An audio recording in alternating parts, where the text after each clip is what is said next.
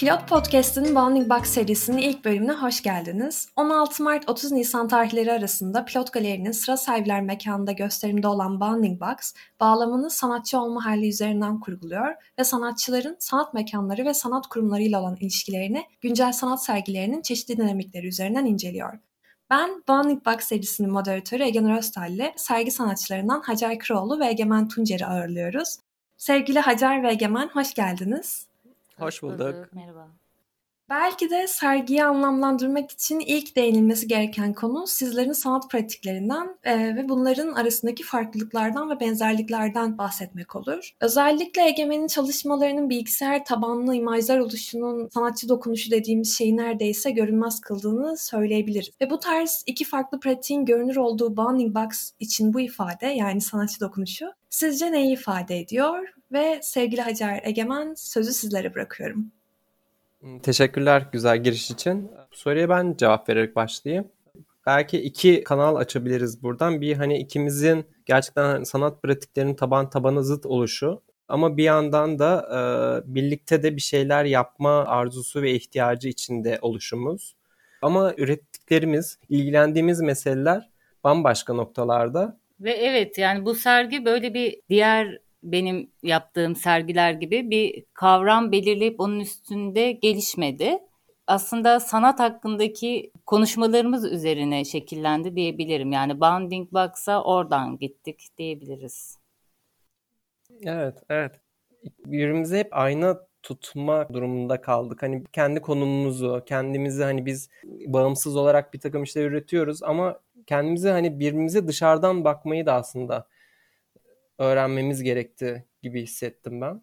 Banding box e, kavramından e, söz edecek olursak da e, hani çalışmalar biraz hani şekillenmişti. Yavaş yavaş ortaya çıkınca fikir aklımıza gelmişti. Bu aslında teknik hani bir terim. Özellikle bu 3D yazılım programlarında bir çeşit hani o arayüzün kendisinde bir bir çeşit işte görüntüleme versiyonu. Oradaki modelleri bir kutu içine koyan ve aslında teknik olarak o modelleri kolay bir arayüzde izleyiciye yani kullanıcıya yansıtan bir kutu çizimi. Bunu e, biz çünkü e, model aslında benim yaptığım bu işte e, Memory Etude pilot videosunda işte bu onun modelinde çalışırken aklıma gelmişti. Çünkü orada da birçok işte sergi sırayla yaparken üst üste binmeler oluyordu ve o şey modellerin ve o modelleri artık bir süre sonra okunmaz hale geldiği için kolay anlayabileyim diye o banding box'a yerleştiriyordum her bir modeli. Ve buradan çıkarak işte biz aslında bunu serginin adı olarak evirebilir miyiz, e, değerlendirebilir miyiz diye düşündük. Ve tabii biz aslında bunu daha metaforik ve daha hani geniş anlamda ele alıyoruz. Bu teknik terimden ziyade. Hatta orada belki sadece hani şey 3D e, hani bilgisayar ortamında değil daha hani akademik çizimle de belki ilişkilendirilebilir bu hani banding box. Çünkü işte daha figüratif işte bir desen çizeceğimiz zaman e, hep bir ölçülen e, ölçü, hep bir e, işte oradaki proporsiyonları bir referans olarak birbiriyle hani ilişkilendirmek ve kağıda yerleştirebilmek evet. için hep bir ölçü almak gerekiyor. Yani, Aslında orada da bir hani prizma olarak görmek gerekiyor ve bir kutu içine yerleştirmek gerekiyor. Yani bu şeyle gibi. ilgili ben onu hani doğru konumlandırmakla ilgili. Yani konumu ve yeriyle ilgili. Evet. O figürü evet. koymak. Hı-hı. Hani bu sergide hani kendimizi koyduğumuz yerle ilişkili olduğu için hani o açıdan bana evet. E, doğru bir isim. Tabii bu biraz e, yani en azından bizim bu bakış açımız e, biraz dolaylı bir e, okuma oluyor. Hani kendimizi e, bu çeşit banding box içinde değerlendirme hani fikri. Ama işler özelinde hepsi gerçekten birer hani bir sınırı aşma ya da bir sınırı görünür kılma üzerinden biçimlendiği için uyumlu olduğunu düşündük ve o yüzden bu isimde karar kıldık. Değil mi? İkimiz de çok zıttız. Ben çünkü çok daha bedenin orada olduğu, zamanın izleyicinin zamanı okuyabildiği, zamanı izlerini bırakabildiğim, çok daha performatif çalışan biriyim ve e, benim izim, emeğim daha görünür bence. Ama Egemen'in çalışmalarında dijital olduğu için o emek nasıl okunuyor o konuda biraz kararsızım. Sen ne dersin? Evet. O çünkü e, yani çok görünür olmuyor. Senin bu hem bu sergide hem de bu sergiden önce yaptığın birçok bir çalışmada senin doğrudan işin kendisi gerçekten senin çalışmanı, senin eylemini, senin hareketlerini evet, sanatçı dokunuşu. O dediğin. dokun evet o dokunuşu gerçekten bir şekilde bünyesinde taşıyor, evet, yansıtıyor evet. onu. Bende öyle bir görünürlük yok. Yani sanki gerçekten hani hani bilgisayarın kendisi, yazılımın kendisi, işte algoritmanın kendisi hani bunu tek başına da yapabilirmiş gibi kullanabilir.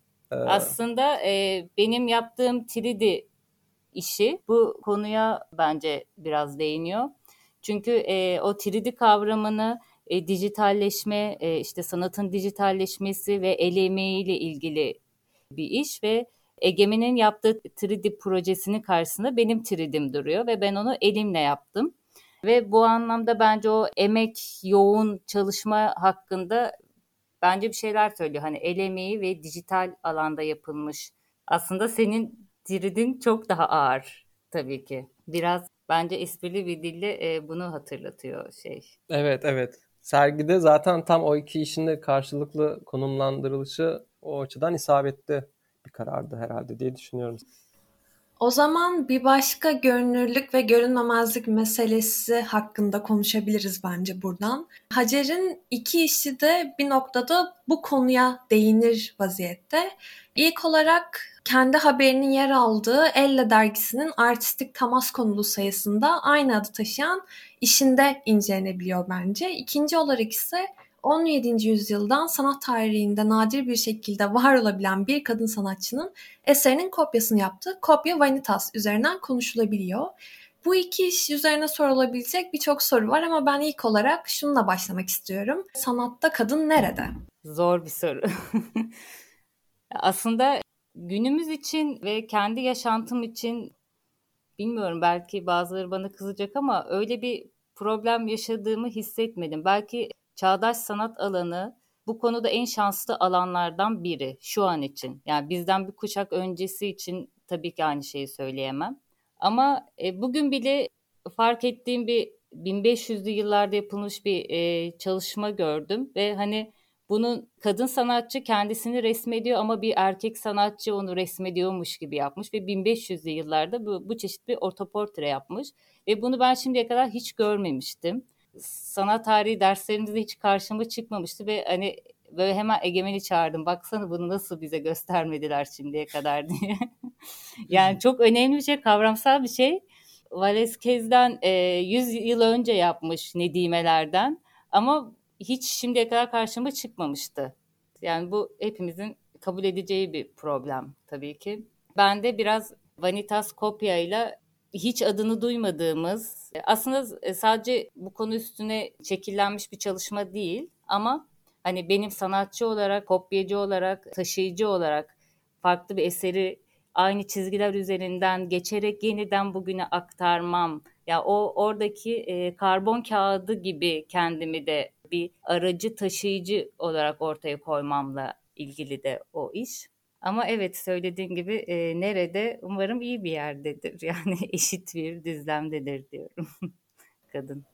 Peki bunu artistik temas üzerinden hangi bağlamda konuşabiliriz?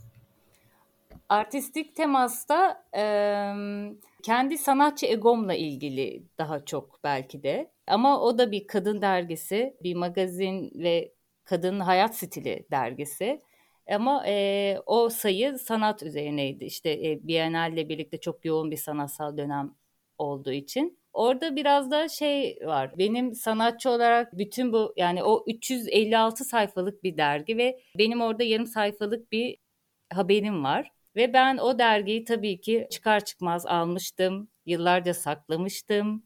Biraz da şey de var orada e, basılı yayınlardaki hani o şeyimizi saklamak, arşivlemek hepimizin yaptığı. Ama yarım sayfacık önemsiz yani dünya için küçük benim için büyük bir ayrıntıydı bence. Ve bütün o diğer her şeyi sildim. Zaten yüzlerce sayfa reklam olan bir dergiydi. Sanat içerikleri de vardı. Hepsini sildim ve bom bomboş yani o boşluk içinde kendimi bıraktım. Evet ben neredeyim? Yine Bounding Box'ın o konum konumlandırıcı konumumuzla ilgili sordurduğu sorularla ilgili bence yine konumumla ilgili bu piyasayla, basınla, bütün bu sanat dünyasıyla ilgili nerede durduğumla ilgili bir işti bence. Ben tekrardan kopya ve intasa dönmek istiyorum. İkinci sorum kopya ve intas hakkındaki sanatçı, yaratıcı, deha, dahi, genius gibi kavramları oldukça sorunsallaştıran bir iş aslında. E, bu sorunsallara yaklaşımın nasıldı?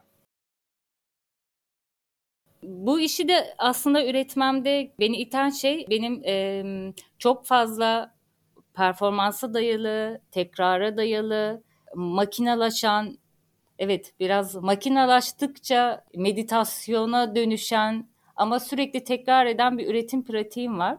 Bu noktada böyle e, bazen e, hele de mesela geleneksel motifleri taklit ettiğimde, kopyaladığımda, tekrarladığımda bunu yaptığım işler oldu. Zanaatkardan ne farkım olduğunu düşünüyorum. Yeni bir şey söylüyor muyum, söylemeli miyim, hangisi yani bu zaten evet çok tartışılmış bir konu ama ben de kendi içimde hala tartıştığım bir konu. Zanaata kaymam bir problem mi? Ve o yaratıcı dehadan vaz mı geçiyorum gibi soruların şekillendirdiği bir işti. Ve ben e, her zaman çoğu zaman daha e, dediğim gibi e, soyut ve daha geometrik desenleri tekrar etmiştim. Bir kez böyle daha anlamlı e, görünür, farklı bir anlam aradığım bir şey seçtim ve ilk kez e, bu konuda yüzümü batıya döndüm. Bence daha o siyahlar, beyazlar ve sadelikler için daha doğuyu fısıldayan işlerim var. Ve e, bir vanitas yapmaya karar verdim. Çünkü bu hani yine sanatçı egosunu sorguladığım bir iş.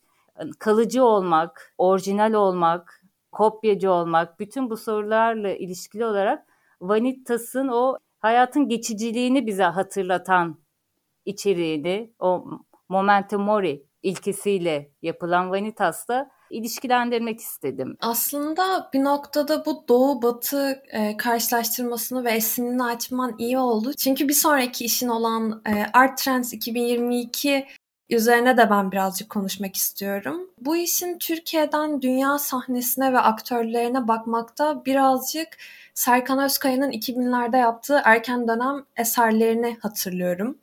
Ve bu noktada Vasıf Kortun Verdan Kosova'nın 1980'lerde Türkiye ile sınırın ötesi konuşmasına da bir gönderme yapmak istiyorum aslında. Kosova bu konuşmada şöyle bir cümle söylemekte. Özkaya'nın geriden gelme fikri ile modern dehanın kaybı birbirinden farklı değil, örtüşüyor. Çünkü modern dehanın ancak merkezin tek elinde olduğunu öncüllüyor demekte. Ve bu noktadan 30 yıl sonrasında Art Trends 2022'nin yine bu meselelere değindiğini görüyoruz. Ve bu merkez-periferi ilişkisine, coğrafya, kültür, dil ayrılıklarına ve bunlardan doğan sorunlara eğildiğini gözlemliyoruz. Sence bu merkez periferi kopukluğunun post internet döneminde iletişim ve bilgi alımı, dağıtımı bu kadar daha kolaylaşmışken akışa dahil olmayı da kolaylaştırdığını söylemek doğru bir ifade olur mu? Sen ne düşünüyorsun? Art Trans işinde e, bir sanatçı olarak sanat gündemini takip etme ihtiyacından doğan bir işti ve günümüz koşullarında artık yani önceden hani az da olsa bir e, yurt dışındaki sergileri takip etme imkanımız arada da oluyordu. Ama şu an e, pandemi ve ekonomik koşullar nedeniyle onu yitirdiğimiz bir dönem ve hatta e, bulunduğumuz e, şehirdeki e, şeyleri e, sanat olaylarını bile uzun süredir internet üzerinden takip etmeye alıştığımız için Buna bağlı olarak ben de Google arama motorundan son trendleri öğrenmek istedim. Ve bunu İngilizce yaptım tabii ki daha çok veriye ulaşabilmek için. Bu da senin söylediğin şekilde e, sanatın o merkezinin hala batı mı olduğu sorusunu aslında bence cevaplıyor İngilizce aratmış olmam. O dilin ve coğrafyanın sanat alanındaki hakimiyetini sanırım açıklıyor. Söylediğin gibi aslında 90'larda sanat alanını çok ilgilendiren kimlik ve kültür, doğu batı farkı konuları hala geçerliğini koruyor demek ki bir noktada. Belki bazı konular artık trend değiller ama Ben mesela bu çalışma yaparken bunu düşünerek yapmamıştım aslında. Sadece sanat modasını, trendleri takip etmeye çalışan bir sanatçı olarak kendimi hani biraz tiye almak yani bu durumu, bu zorunluluğu tiye almak için başladığım bir işti. Ama sonra baktım ki doğu, batı ve dil, coğrafya konularına sürüklendim. Bu da sanırım aramayı İngilizce yapmamla başladı. Yani evet mesela şey olabilir yani atıyorum bir İngiliz yani New York'ta yaşayan bir İngiliz sanatçı böyle bir çalışma yapar mıydı ya da hani yaklaşımı böyle mi olurdu en Yapardı azından ya da yapsa İngilizce yapma. yapsa Ha, şey, hani bu, bu iş çok farklı translate'e değerlendirilecekti o zaman. koymazdı işte. Ben o Evet. translate'de o arayı Evet. açıyorum yani hani onu gösteriyorum. Yoksa onlar da trendleri takip ediyorlar Hı hı. tabii ki yani Doğru. aynı şeyi mücadeleyi onlar da veriyor da. Hani 3D'de de öyle ya hani e, 3D yapmak e, ben e, trendlerden geri mi kalıyorum? Çünkü gerçekten öyle bir telaş çevremdeki sanatçı arkadaşlarımda da görüyorum hani resim yapan insanların hani teknolojiyle ilişkisi hani o akış bir şey gidiyor ya bir rüzgar var ve ondan geri kalma korkusu yaşıyoruz hep. Nerede olduğumuzu sorguluyoruz ve sanat trendlerini arama nedenim de aslında buydu. Yani bu çabayı, bu paniği biraz tiye almakla ilgiliydi. Ama e, sonra internet üzerinden de arasam yine e, o dil ve coğrafya farkını bir şekilde hissettim. Evet, demek ki hala hissedilen bir ayrım. Yanıtın için teşekkür ediyorum Hacer. Şimdi ise Egemen'e bir soru sormak istiyorum. Özellikle Memory Etudes pilot işin üzerinden konuşacak olursak bu iş bellek kavramına çok farklı bir noktadan bakmakta. Bir sanatçının bir mekanda eser göstermesinin ve o eserin e, izleyici tarafından alımlanmasının sadece sanat eserinin ve veya sanatçının kendisiyle değil, aynı zamanda gösterdiği mekanın belleği ve bu belleği oluşturan tüm eserlerin toplamının üzerine yerleştiğini söylüyor bir açıdan. Ee, izleyicinin belki de farkında olduğu ya da olmadığı bu bilgi e, sen sanatçı için hep taşıdığı bir yük mü? Bunun hakkında ne düşünüyorsun?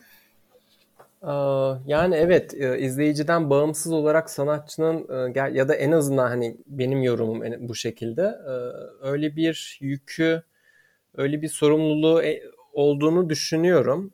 Çünkü yani özellikle hani bu sergi üzerinde ve hani pilot galeri üzerinde konuşacaksak yani ben burada ilk kez sergi yapıyorum ve o mekana algısı da çok değişti. Hani artık bir iş üretirken nerede sergileneceğine mutlaka bir bakıyoruz, onu değerlendiriyoruz. Dolayısıyla bir sorumluluk oluyor ve bu işte mekana ben de hani e, baktığımda gerçekten hani daha önce burada neler yapılmış, hani nasıl sergiler yapılmış, işler nasıl sergilenmiş, mekan nasıl değerlendirilmiş bir tarama ihtiyacı e, duymuştum. Daha öncesinde de zaten mekan ve hani mekanın temsiliyle alakalı işler yaptığım için e, şu son yaklaşık 2-3 yıldır buna benzer bazı projelerim vardı. Bu sergi özelinde de bunu hani böyle bir şeye devşirdim.